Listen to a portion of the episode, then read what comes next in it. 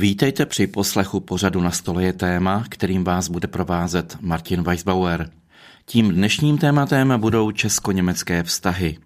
Dne 21. ledna roku 1997 byla podepsána Česko-německá deklarace o vzájemných vztazích, která se snaží zmírnit napětí mezi oběma zeměmi přetrvávající z druhé světové války i z dřívějších období.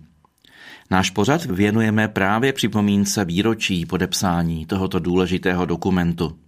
V našem pořadu se budeme snažit poskytnout neotřelé pohledy na česko-německé vztahy, poodhalit fakta a souvislosti soužití Čechů a Němců v historii i dnes a rozšířit jejich chápání, které bývá na obou stranách někdy trochu černobílé. Mými hosty ve studiu Hradec Králové jsou Rakušan Bernard Riepl a Čech Tomáš Koloc, oba se sudetoněmeckými kořeny, kteří se touto problematikou dlouhodobě zabývají. Vysvětlí nám mimo jiné i důvody, proč se dlouhodobě angažují v česko-německém smíření. Já vás tedy oba dva moc vítám ve studiu a děkuji, že jste přišli. Dobrý den. Také, dobrý den. Na úvod našeho pořadu by bylo asi vhodné, kdybyste nám řekli, jaký máte vztah k česko-německé problematice a jak jste se k ní vlastně dostali. Může začít třeba pan Riepl? No, děkuji za slovo. Když můžu začít, jsem z Rakouska, takže původně jsem si nemyslel, že mám nějaké rodinné vazby do Čech, což se časem ukázalo, že není tak úplně pravda. Ale můj původní motivace vlastně nebyla ta um, tematika, to se stalo teprve před několika lety, jak jsem se přestěhoval do jeho českého městečka Kaplice Předtím jsem žil delší dobu v Budovicích, tam jsem tuhle věc moc vnímal, ale v Kaplici jsem si myslel, že jako po válce odsun všichni Němce pryč, všichni lidé noví, což je většinově i pravda, 90% tam je takzvaný přistěhovalců a já jsem také přistěhovalec nakonec. Ale jak učím v těch firmách a tak dále, zjistím víc a víc, že skoro všichni Češi, kteří tam jsou, měli i příbuzní mezi Němcema, částečně žijou v Německu, ty potomci samozřejmě, nebo v Rakousku.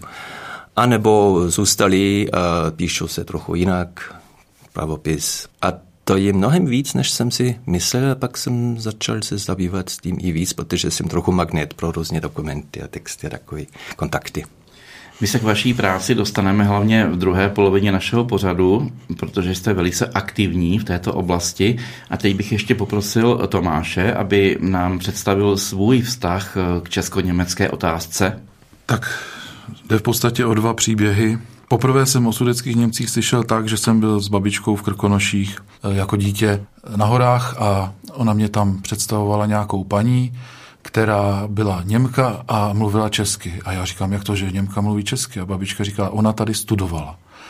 No a jak jsem rostl, tak jsem si na to vzpomněla. Babička mě říkala, no nestudovala, ale já jsem se ti tehdy bála říct, že ona byla sudecká Němka. Tak jsem vlastně za socialismu, kdy se o tom tak jako nemohlo mluvit, dozvěděl o tomto fenoménu.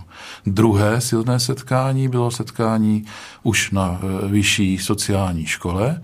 Jsme měli učitele Valtra Chýleho, který byl ku podivu české krve, ale za první republiky ho adoptovala sudeto-německá rodina. A on teda s nimi prošel celou tou válkou a potom martýriem odsunu. Přičemž vlastně dělal překladatele tím, že ještě z toho útlého dětství si pamatoval tu češtinu, ale ten odsun ho definoval v tom smyslu, že potom odešel do Švédska, protože střední Evropa ho jako traumatizovala. A to byly dva hlavní body a vlastně mě to jako přiblížilo k tomu, že bych měl tuhle tu naší výraznou menšinu znát a v posledních letech, kdy jsem dostal svůj strom života do 17. století, tak jsem samozřejmě zjistil tím, že moje rodina pochází z Mladoboleslavska, Českolipska, že jsem taky částečně sudeto německého původu.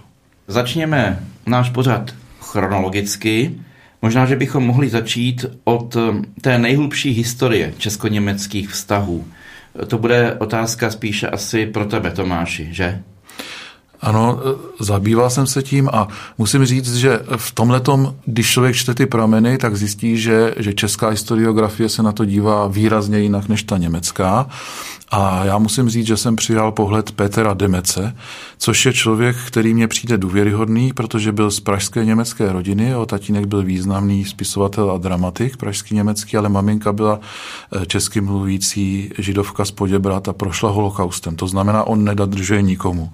A v jeho historických knihách jsem zjistil, že skutečně Tady ty Němci byli vždycky. V době, kdy přišli v 6. století první slované, tak pravděpodobně kolem Prahy byly osady Durinků, eh, germánského kmene a tak dále. Ale ta první vlna, kdy vlastně začali k nám přicházet, tak byla v době těch nejsilnějších přemyslovců za přemysla Otakara II. a byli zváni do horských oblastí. Z oblastí, kde byly hory, tak k nám byli pozváni osadníci, ale i do nížin. A ku podivu nebyli to jenom Němci. Když si vememe tady naše město blízké Nymburk, tak to bylo původně Neufburg a bylo to město nizozemské. Zatímco Beroun a Brandýs pocházejí z, z italských měst Verona a Brindisi. To znamená, tady byly vlastně města více národů, ale začali vlastně asimilovat do té Němčiny i s tím ohledem, že jsme vlastně s Německem sousedili. Takže pravděpodobně to jsou ty nejhlubší kořeny. Ještě bych tomu možná řekl, že častý výklad dnešních historiografů je, že česko-německá otázka vlastně vznikla až v 19. století.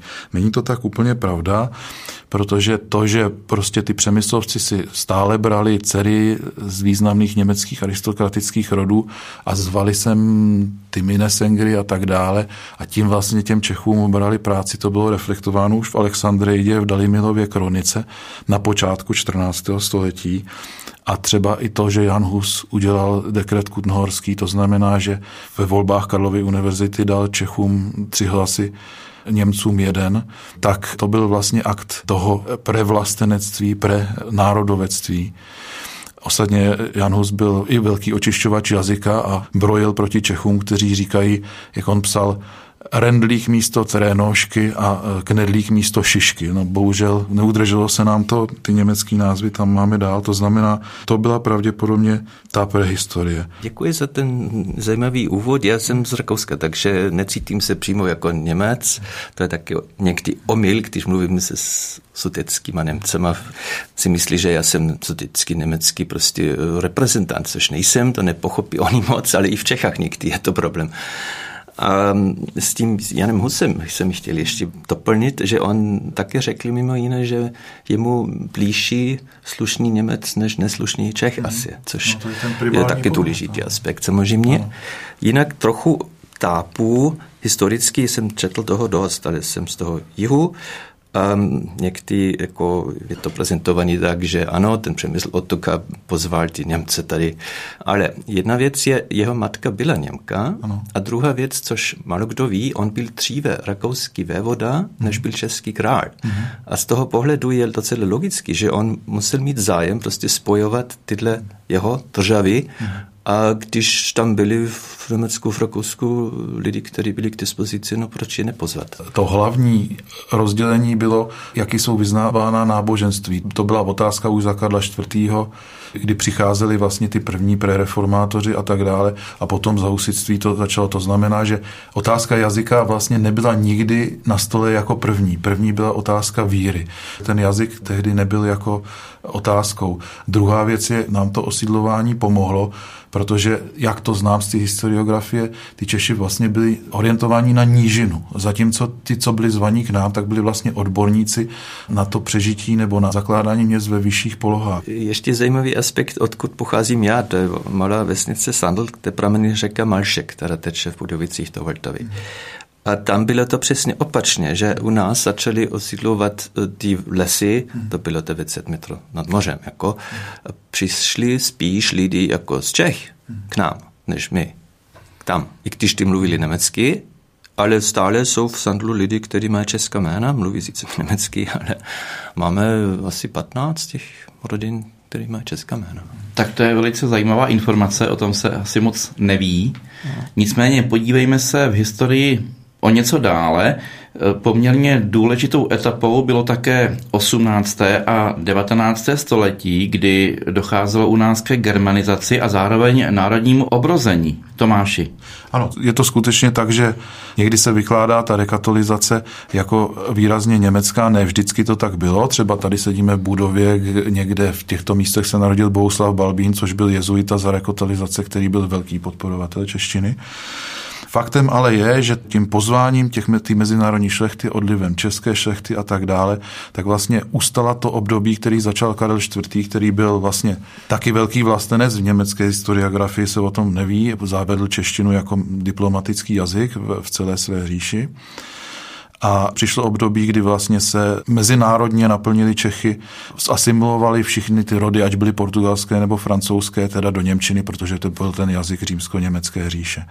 No a ta čeština jako v podstatě kolem tak roku 1750 ustoupila, že už vlastně fungovala jenom na vesnicích.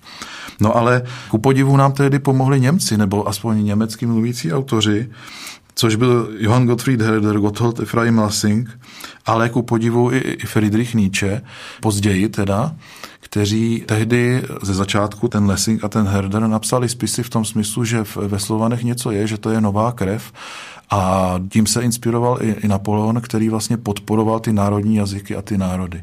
A to vlastně vtrhlo jako móda do našich zemí. A je paradoxní, že ta čeština žila na vesnicích, ale s tímto vlivem těchto filozofů, ty měli vliv v rokových hvězd tehdy, tak se vlastně stalo módou učit se ten národní jazyk. A musím říct, že některé z našich osobností, které vlastně nám tady rozjeli to národní obrození, byly čistě německé osobnosti bez kapky české krve.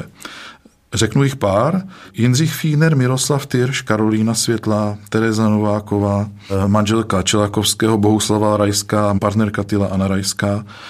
To všechno byli lidi, kteří byli z německých jako významných rodin a tu kulturu českou nastavili z toho titulu, že se dokonale naučili česky a začali v tom jazyku myslet a tvořit.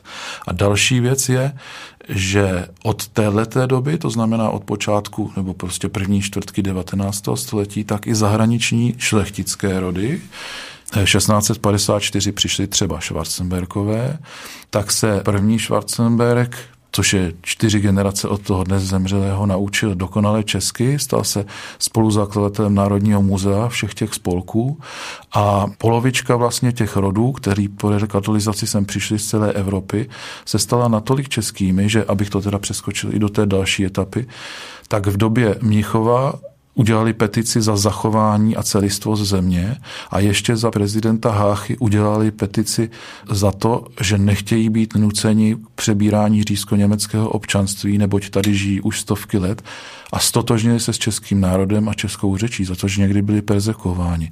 To se myslím málo ví a mělo by se to říct. Já si myslím, že krásným příkladem je nedávno zemřelý Karel Schwarzenberg, který vlastně zosobňuje tu spolupráci mezi tím českým a německým živlem. Je to tak, pane Rýpl? To tak absolutně je. Na druhé straně je asi ale také pravda, že u hodně těch aristokratických rodin se to trochu rozštěpilo a část těch lidí určitě to i mysleli poctivě, kvůli tomu nemohli třeba po válce odsunout Schwarzenbergy, museli extra ten Lex Schwarzenberg jako zavést, ale byli často v těch rodinách taky lidi na druhé straně, kteří už věděli třeba také, no nevíme, kdo vyhraje, ale někdo určitě vyhraje. A to je samozřejmě další aspekt, který je pravda.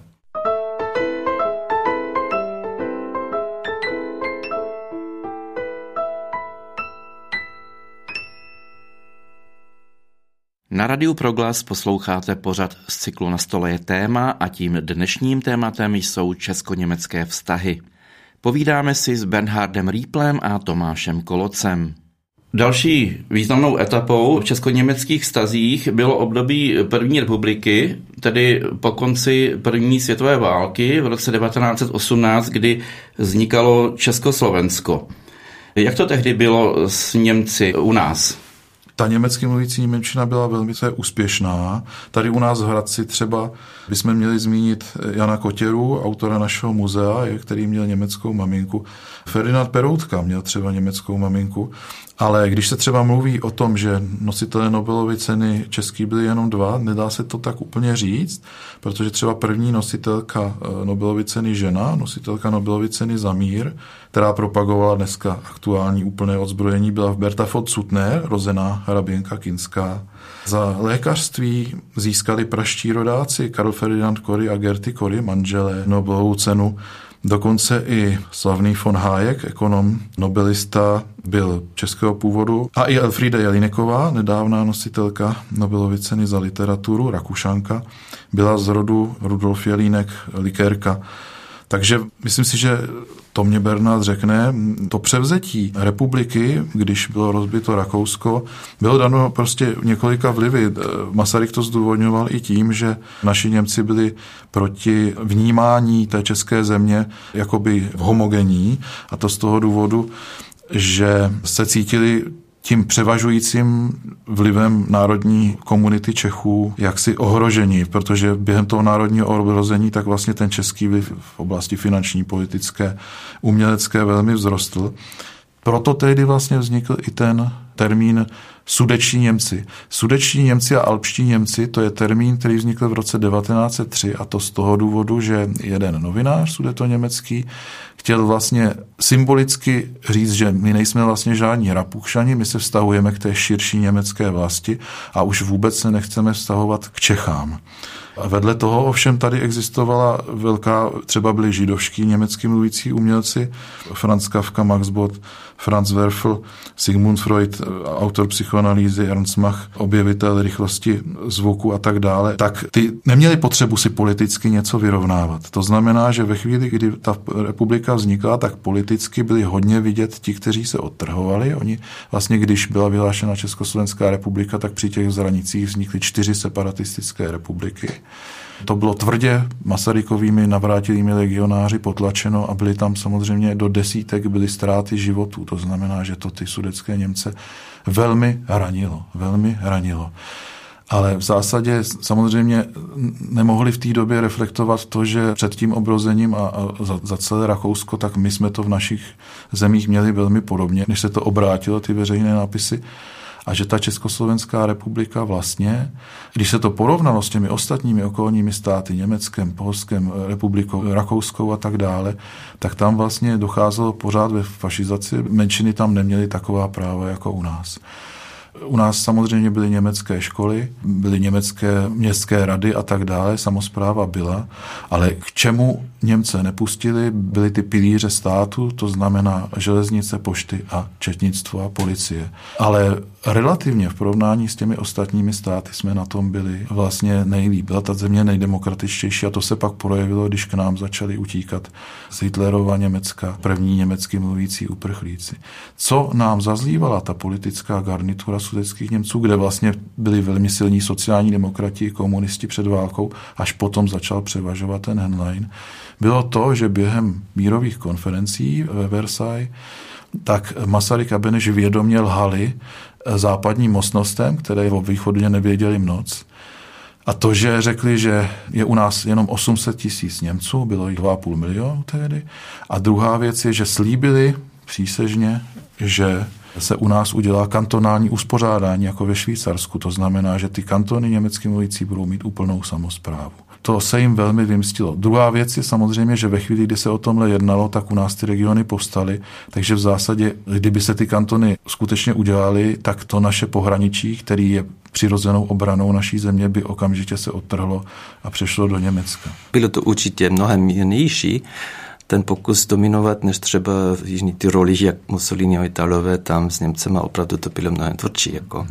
Ale jak si řekli, že Češi převzali ty jako policajní státní struktury. Mm-hmm. Tendenčně ano, ale i tam byly výjimky. Já znám mm-hmm. jeden případ, že i německý mluvící pošťák byl za první republiky ještě jako pošťák zaměstnán, přeložen a tam nebyl problém v těch regionech, jako až do roku 37-8.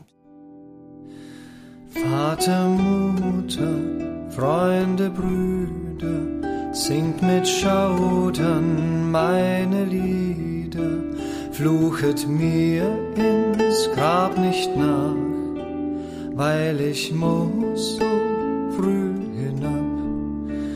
Und ein Mädchen, das ich einstens liebte und mit Vorsatz meiner nie betrübte, welche durch mich Mutter ward und ein Kind zur Welt gebar. Posloucháte Radio Proglas a pořad s názvem Výročí počátku česko-německého směřování. Hosty ve studiu Hradec Králové jsou Bernhard Riepel a Tomáš Koloc. Teď se dostáváme ke druhé světové válce a následně k odsunu Němců, který je už poměrně dost znám. Pojďme říci k tomu několik informací. Jak jsem říkal, že ty pohledy jsou různé, i když jsme s Bernardem přátelé, tak nikdy se to nedá vidět úplně z téže strany, protože jsem vyrůstal v jiném prostředí. Ale je potřeba říct, že po vyhlášení protektorátu tak sudeční Němci byli často dáváni v protektorátě eh, do čela gestapa nebo jako i příslušníci gestapa a tak dále. To znamená, že to všecko v českých očích vlastně podporovalo tu řevnivost. Na druhou stranu ale je třeba říct, že v Londýně byla reprezentace sudeto německá vedená Venclem Jakšem, který pochází vlastně z regionu, kde ty teď žiješ, z Trhovosvinska a ten postupoval ze začátku koordinovaně s Edvardem Benešem a posílal vlastně svoje německy mluvící uprchlíky do československé armády, ale tam byl problém ten, že po tom Mnichově byla mezi tou zahraniční armádou velká řevnivost vůči Němcům a dokonce i vůči Židům, protože přestože to byl demokratický odboj v zahraničí, tak se jim vyčítalo, že, že vlastně na tom Židi vydělali a takový ten antisemitismus prostě za začátku 20 století, takže tam byly excesy vůči německy mluvícím i vůči židům. A ta německá emigrace byla taky výrazně židovská. A Vencel Jakš tedy řekl, tak nevstupujte do československých jednotek a vstupujte přímo do britských jednotek. A to byl první bod problému mezi Benešem a jím. A druhá věc byla, že když se potom Vencel Jakš zmínil, že to jednání o tom, jestli sudecké oblasti zůstanou po válce v Československu nebo v Německu, bude ještě předmětem diskuze, protože Edvard Beneš nepřipouštěl jinou možnost, než že se nám ty sudety vrátí. A nakonec tedy vlastně je potřeba říct, že ten odsun nebyl plánován přímo Edvardem Benešem, mezi Winstonem Churchillem primárně a Josefem Stalinem se vlastně dohodlo, že z důvodu toho, aby do budoucna nebyly ty strašlivé národnostní rozbroje a samozřejmě byly tam i jiné motivy, se odsunou všichni Němci z východních území. Z Polska třeba dnešního to bylo 7 milionů lidí, u nás 3 miliony lidí. A samozřejmě Češi se k tomu staví do dneška z pohledu, že jsme tady 40 let žili, prostě kdy se nesmělo moc o tom problému mluvit a bylo to velmi proti česko-německé tak na to se na to díváme už docela rozvrstveně. Ne tak třeba v Polsku. To znamená, je potřeba Čechy přimět k tomu, aby uvažovali o sudeckých Němcích jako o lidech, kteří měli svoje originální příběhy, ale zároveň není potřeba si sypat popel na hlavu v tom smyslu, že my bychom byli v té Evropě nejhorší. To jsem chtěl říct. Jak to vidí pan Rýpl? Já to vidím z pohledu Rakušana, který to může komentovat jenom nepřímo. Jako já mám samozřejmě taky příbuzní, kteří eh, žili původně, ta rodina jako v Československu, v oblasti, které bylo osídlovány eh, lidma se severu, jako ty, co začali potom malovat ty Interglasbilder takzvaný. Malování na sklo tady krkonožské, jízerské. Jo. Ano. Ale mm, je mi to trochu nepříjemně a trapně taky o tom mluvit. Jako já znám hodně lidí, kteří tady žili, pokud ještě žijou, jsem dokonce převzal v kaplici katoteku pana Seilera, kterému bylo 94, který žije ještě v Salzburgu, který ostatně v roce 37 jako osmiletý žák vítal pana prezidenta Beneše v kaplici německou pásničkou. On vždycky teď poblahopřál pro ten časopis a Heimat těm lidem, pokud ještě žijou k narozeninám. To mám teď dělat já. A samozřejmě tolik těch už nežije, ale jsou zase osobní kontakty to i funguje. A přijdu třeba mladý a řeknu, a nevíš o tom, můj parád dědeček žil tam a tam a tam jsem trochu jako magnet pro ty informace. A nemáme problém. Jsou lidi, kteří problém hold mají, ale to se mě moc netýká. Jsem člověk, který má asi empatii jak pro ty, tak i tady v Čechách a kvůli tomu sám nemám problém, protože mě taky zajímá, co oni osobně prožili, zažili, ví. A jsem rád, když něco řeknu, protože někdy se mi stane taky bohužel, že lidi něco ví, ale nechtějí o tom mluvit. A pokud je to tak, že mají stále strach z toho, jako je to špatný samozřejmě. Já bych se ještě vrátil k těm sudeckým Němcům, kteří zůstali. Bylo mezi nimi mnoho velmi známých jmen. Mm-hmm. Že, Tomáši? Tady slavný hradecký dům u Špuláků. Dozvěděl jsem se tady od Bernarda, že vlastně z této rodiny, která odešla ještě za Rakouska Verska do Prahy, tak pocházel poslední člen toho rodu, který byl teda odsunut, protože prostě byl německý mluvící. A to jsou ty prostě složité osudy. Myslím si, že to je jako exemplární příběh člověka, který spadnul do té menšiny, která byla odsunuta. Řekl bych druhé jméno, to je Pavel Vonka, známý chartista umočený jako poslední v roce 1988. Je po něm i ulice je pojmenovaná? Tady, ano, u nás Hradci Radečáci znají. Tak to je druhý případ. Ten spadal do těch Němců, kteří tady směli zůstat, což byla vlastně zvláštní směska. Mohli tady zůstat takzvaní antifašisti nebo odborníci. To znamená, že tam, kde byly třeba doly nebo prostě určitý druh průmyslu, kde by se to nenaplnilo těma českýma dělníkama nebo inženýrama, tak mohli zůstat. A nebo antifašisti. Ale ve skutečnosti v té první fázi toho divokého odsunu byl často odsunut ten, kdo třeba byl antifašista nebo často byl i žid, ale prostě přihlásil se k německému jazyku. A často taky bylo těm antifašistům dáno na vědomí, můžete zůstat, chcete zůstat a oni no tak ne, my už půjdeme s tím národem, protože oni teďka trpí. Často to byli socialisti, takže vnímali, že musí jim pomoct mohli tady zůstat vysocí komunističtí funkcionáři a to bych rád zmínil, protože někteří vysocí funkcionáři jako vedli tuhle tu zemi a nebyli odsunutí, ale někteří potom odcházeli do NDR v zásadě z toho důvodu, že aby posílili ty, ty německy mluvící tamní administrativu. A někteří vlastně po celý ten minulý režim byli třeba v UVKSČ a to je případ pana Reichholdera, na kterého vzpomínal a to jsou ty paradoxní příběhy. Jan Rybář, tady náš trutnovský a rychnovský známý kněz, že v jednu chvíli, kdy už to prostě s ním bylo nahnuté tam na těch hranicích, tak se za něj přimluvil prostě německy mluvící, sudeto německý člen UVKSČ, který dokonce pro něj vybojoval tu možnost, aby mohl pro tamní katolíky kázat v Němčině. Myslím, že Pátr Rybář sloužil mše v Němčině v Trutnově až do svých posledních dnů. K těm osobním příběhům, kdo mohl zůstat, kdo odešel, tak Ferdinand von Thun a Friedrich von Thun, oba dva ze známého nebo ze slavného rodu šlechtického u nás. Jeden z nich jako malý chlapec byl odsunut, ten druhý už byl starší a byl na východní frontě. A ten Friedrich von Thun se stal známým rakouským hercem, který potom hrál jako jednu z hlavních rolí v seriálu Náhrdelník, kterou budou lidi znát, ale i v Schindlerově seznamu.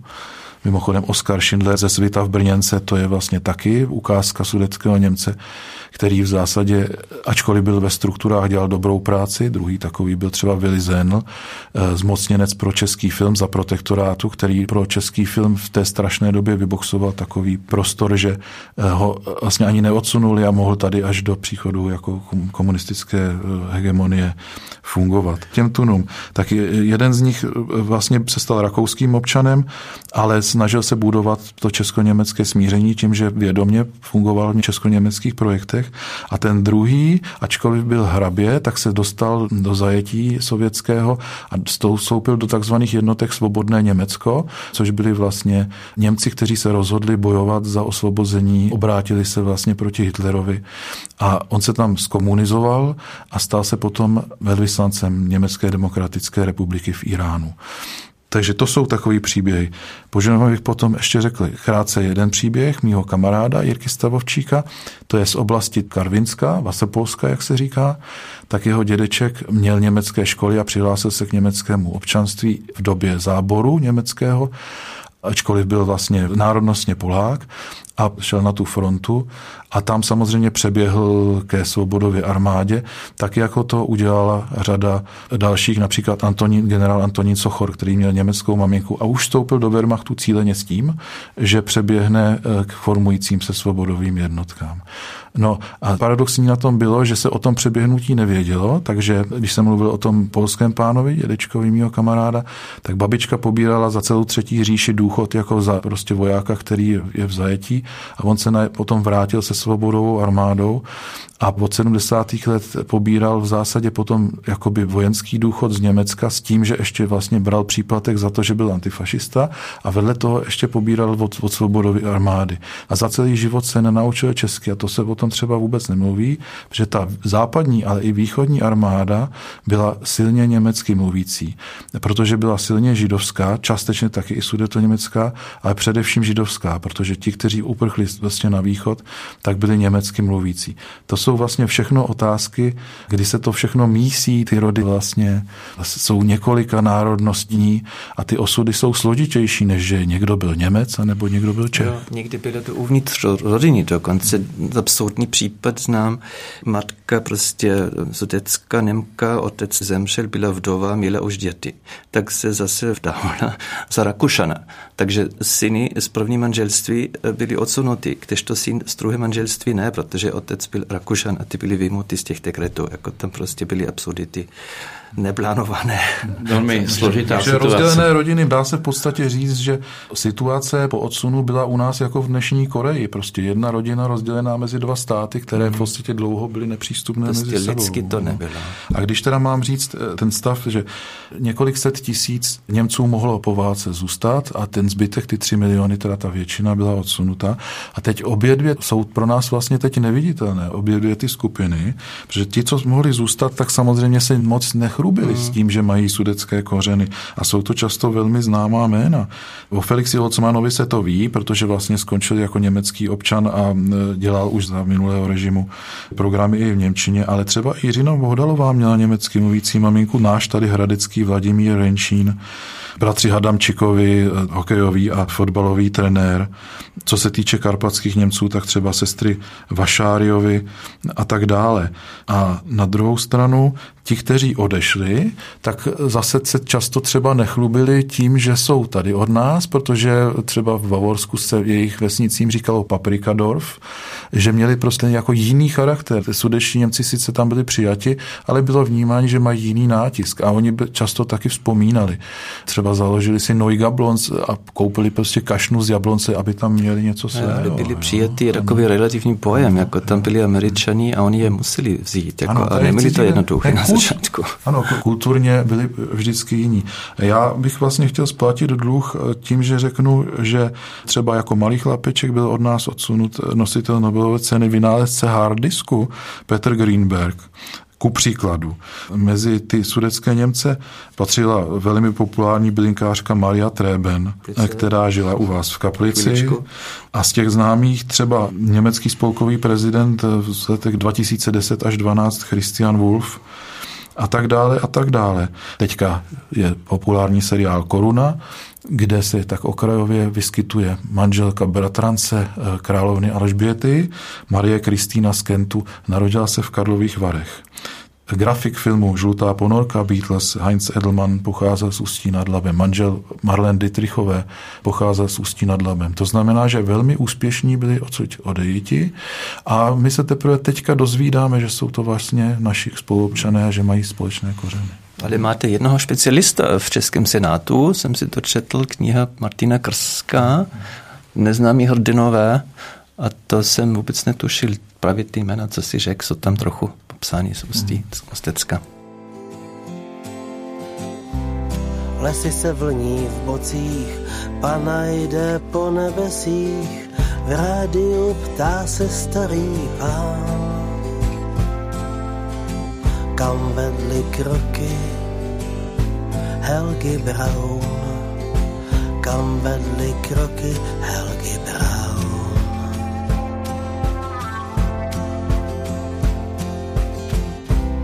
Přehrávač zastavil svět na podzim 45.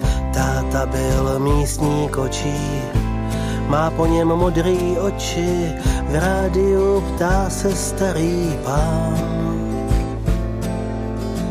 Kam vedly kroky Helgi Braun? Kam vedly kroky Helgi Braun?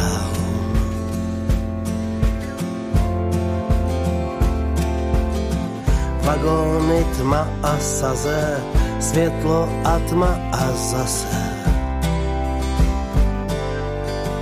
jak všechno podobá se svítání v horách. Pavlač na Engelstraße, andělé tma a starý pán. Nejisté kroky Helgi Braun, nejisté kroky Helgi Braun.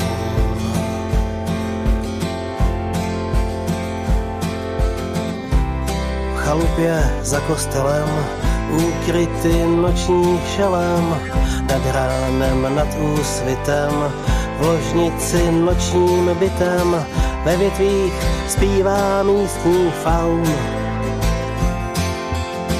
Kam vedly kroky Helgi Braun, kam vedly kroky Helgi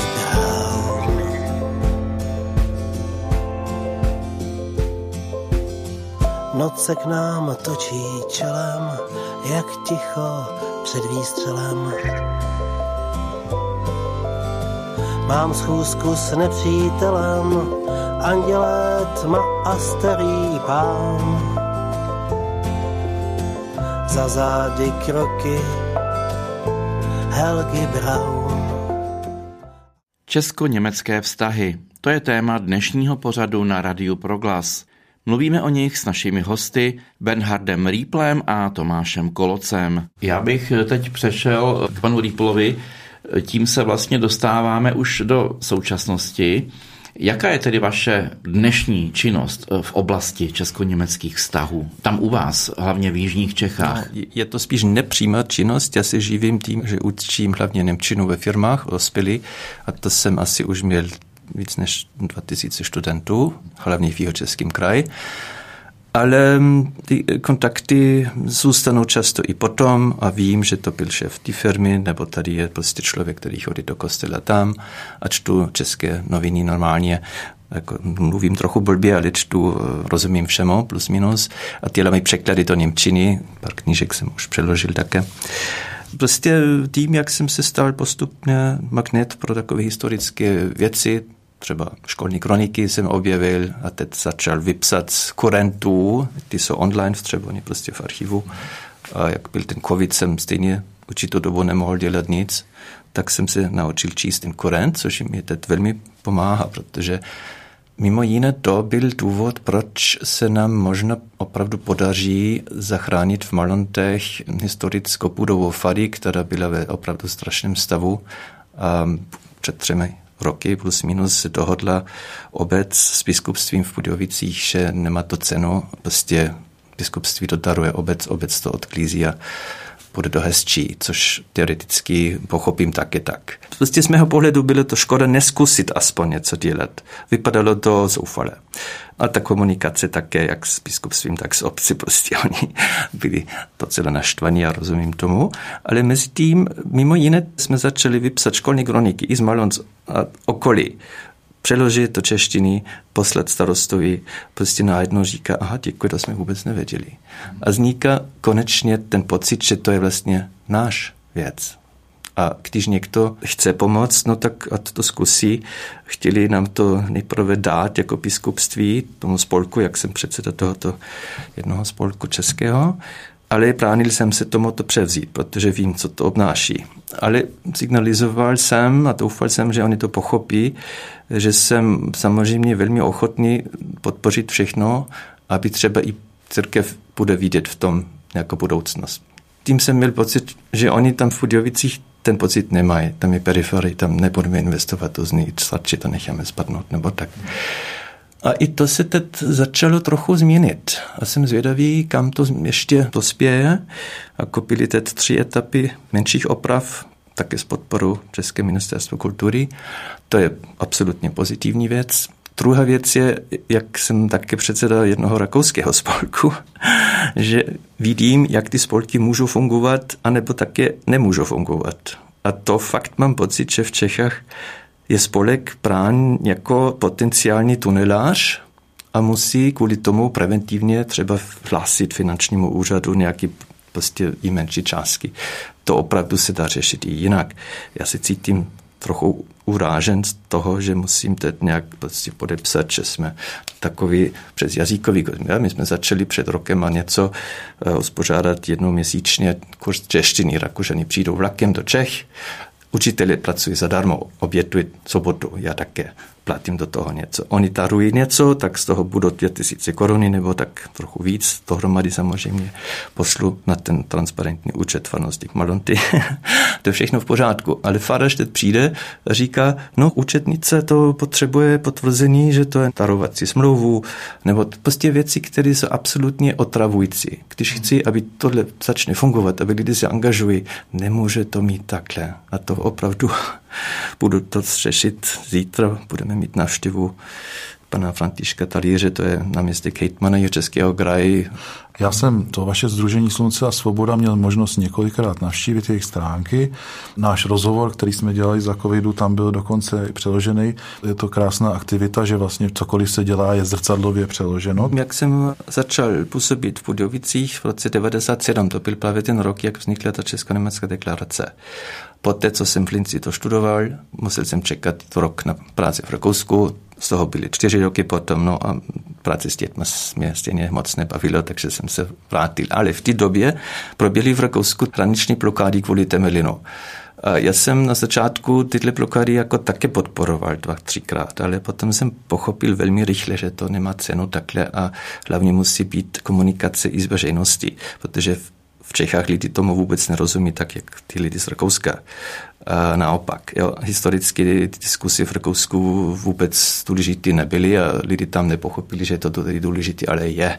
A tady zase lidi nepochopili tehdy, že v Rakousku lidi opravdu si myslí, že to jde jinak. Jako já osobně si myslím, že to jde jinak, ale chápu, že většina v Čechách to takhle prostě nevidí tak, ale nemá cenu někoho jako nutit věřit to, co já věřím. Maximálně má cenu je informovat, zkusit je přesvědčit, ale na úrovni. Jo?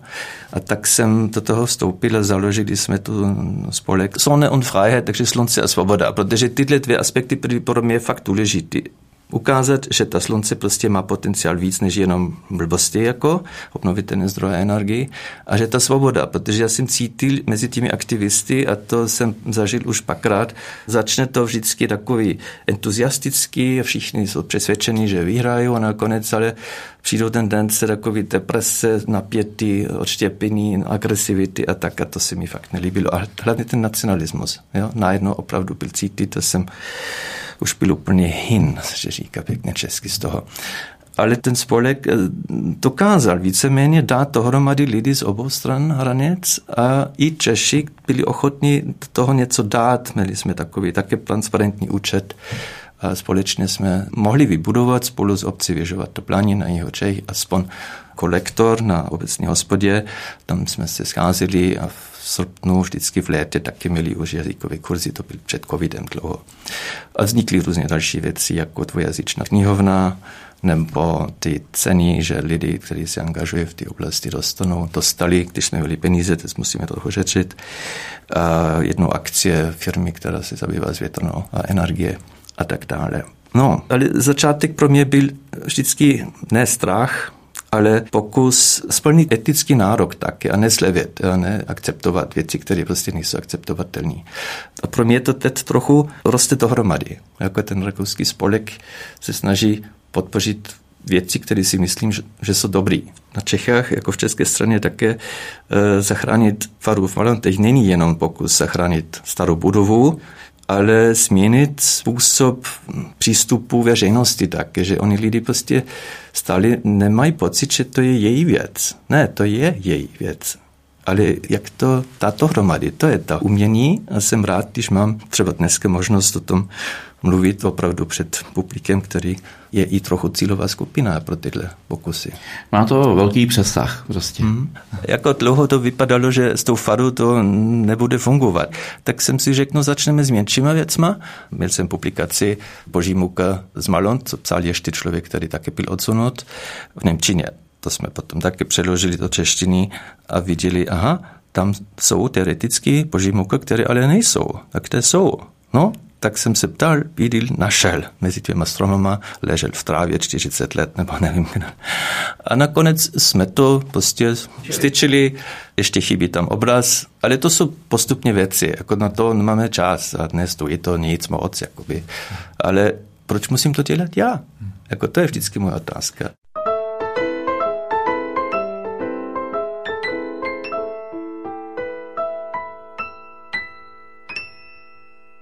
Filmový festival je něco, co vlastně jsem nezačal já, ale ve Freistatu pan Wolfgang Steininger už před víc než 30 lety asi, ale jak jsem potom začal žít v Kaplici, což je partnerské město Freistatu, jsme skoro každý rok teď spolupracovali. Oni mají v srpnu vždycky kolem 70 filmů z celého světa a dva, tři buď s českou tematikou nebo titulkama samozřejmě nám půjčí nebo dají zadarmo a my můžeme to hrát v kaplici pod v kíně nebo i v hospodě a to jsme pakrát docela úspěšně začali úspěšní, možná víc než oni na začátku, protože tam ve Freštatu také to začalo opravdu nic moc. Jako.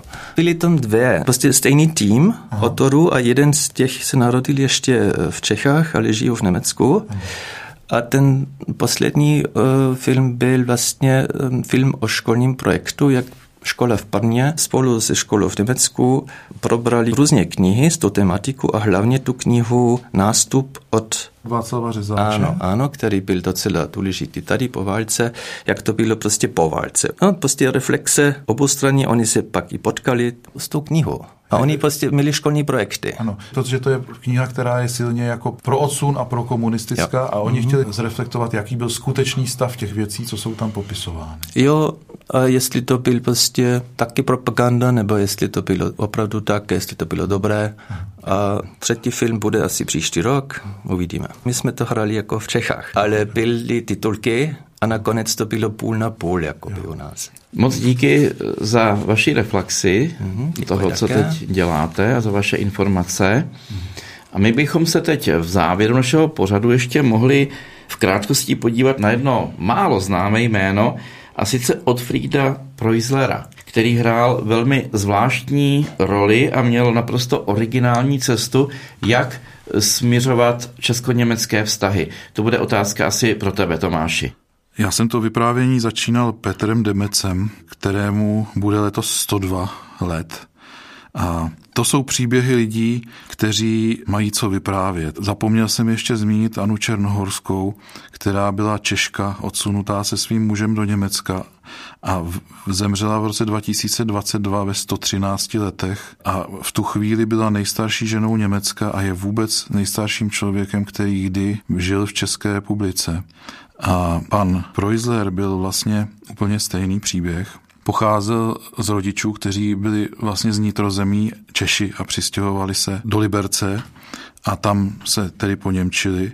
A jako mladý byl militarista a ve 20 se stal poručíkem, odešel na frontu, dokonce měl strach, že válka skončí dřív, než do ní stačí zasáhnout a potom vlastně se přihlásil Bůh. On byl zajat, pracoval v textilce na otrockých pracích eh, v Tatarstánu sovětském, ale tam jakoby začal chápat, že to není o národu versus národu, ale o lidech.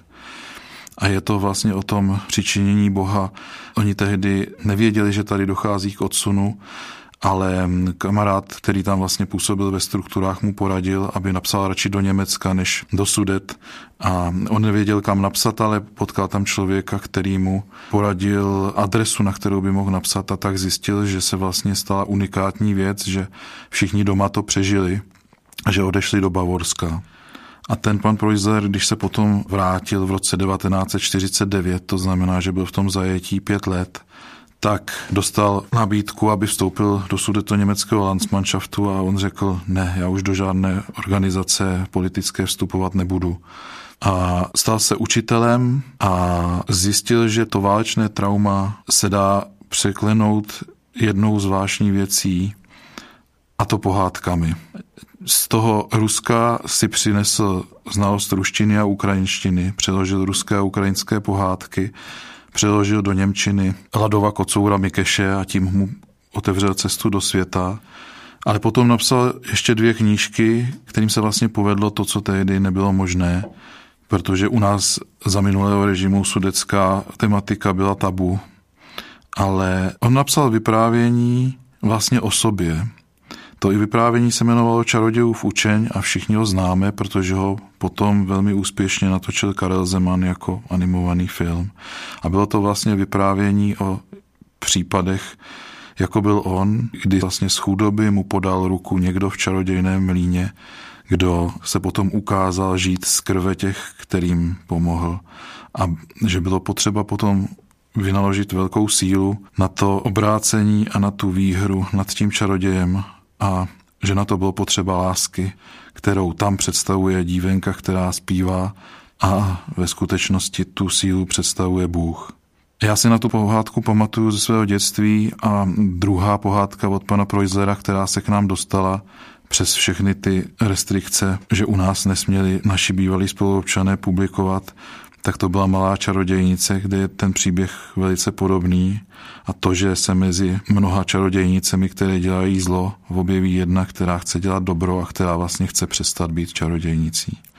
Otfried Freusler se dožil 90 let a já mám někdy pocit, že ti lidé se dožívají tolika let, nebo že se pro nás dožili tolika let, aby byla šance, abychom je mohli poslouchat a mám pocit, že kdo je neposlouchá, takže si musí celou tu historii zopakovat.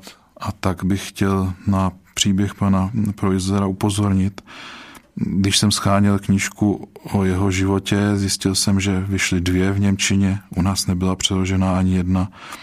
Vlastně se ptám proč. A tak jsme se rozhodli to napravit. Bernard, můj spoluřečník a paní Helga Grimová mi přeložili smysl té nejkrásnější básničky pana Proizera, ve kterém vlastně vypráví o tom obrácení, co vede k obrácení, že k obrácení vedou těžké zážitky, po kterých člověk pochopí. Tak já poprosím Bernarda o přečtení té básně v originálu a potom zazní překlad, o který jsem se zasloužil sám. Otfried Preisler, Die Wissenden Die nie den Hunger haben gekannt, was wissen die vom Brot? Die niemals in die Nacht verbannt, was die vom Morgenrot? Die nie in harter Frohn geächtzt, was die vom freien Gang? Die dürstend nie danach gelächzt, was die vom frischen Trank? Die nie der Willkür ausgesetzt auf dampfendem Schafott, von tausend Ängsten aufgewühlt, den Satan im Genick gefühlt, was wissen die von Gott?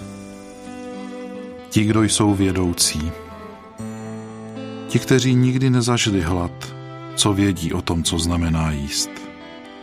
Ti, kterým nikdy nebránili spát, co vědí o raných červáncích. Ti, kteří nikdy nepadali pod prací, co ti vědí o bráně a svobodě. Ti, kteří nežíznili jako v létě ptáci, co vědí o bodě. Ti, kteří netrpěli od všeschopného tyrana, co skrze dřinu srážel do rohu, v minutách strachu od večera do rána, ani na krku nikdy necítili řetěz satana, co vědí o Bohu. Tak to byla, myslím, krásná slova na závěr našeho vyprávění a mě nezbývá, než vám oběma poděkovat za velmi zajímavé vyprávění a informace. Moc vám děkuji, že jste věnovali našemu pořadu svůj čas. Děkuji také. Děkuji.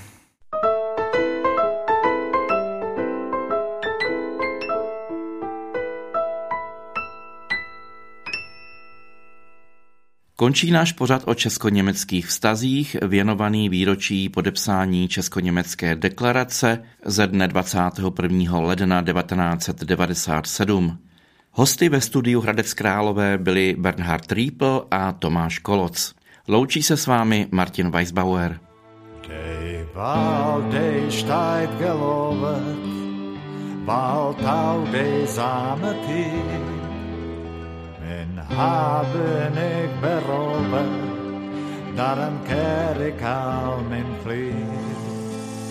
Die Wald ist steif gelobet, bald auch die same tief. Mein haben ich beraubt, darum kehr ich kaum in Frieden. Eine Jungfrau fahrt, da kjære gauden mann.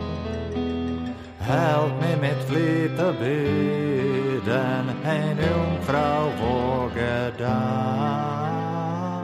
Eine jungfrau fann da kjære gauden mann. Help me mit lite eine en jungfrau vågedan.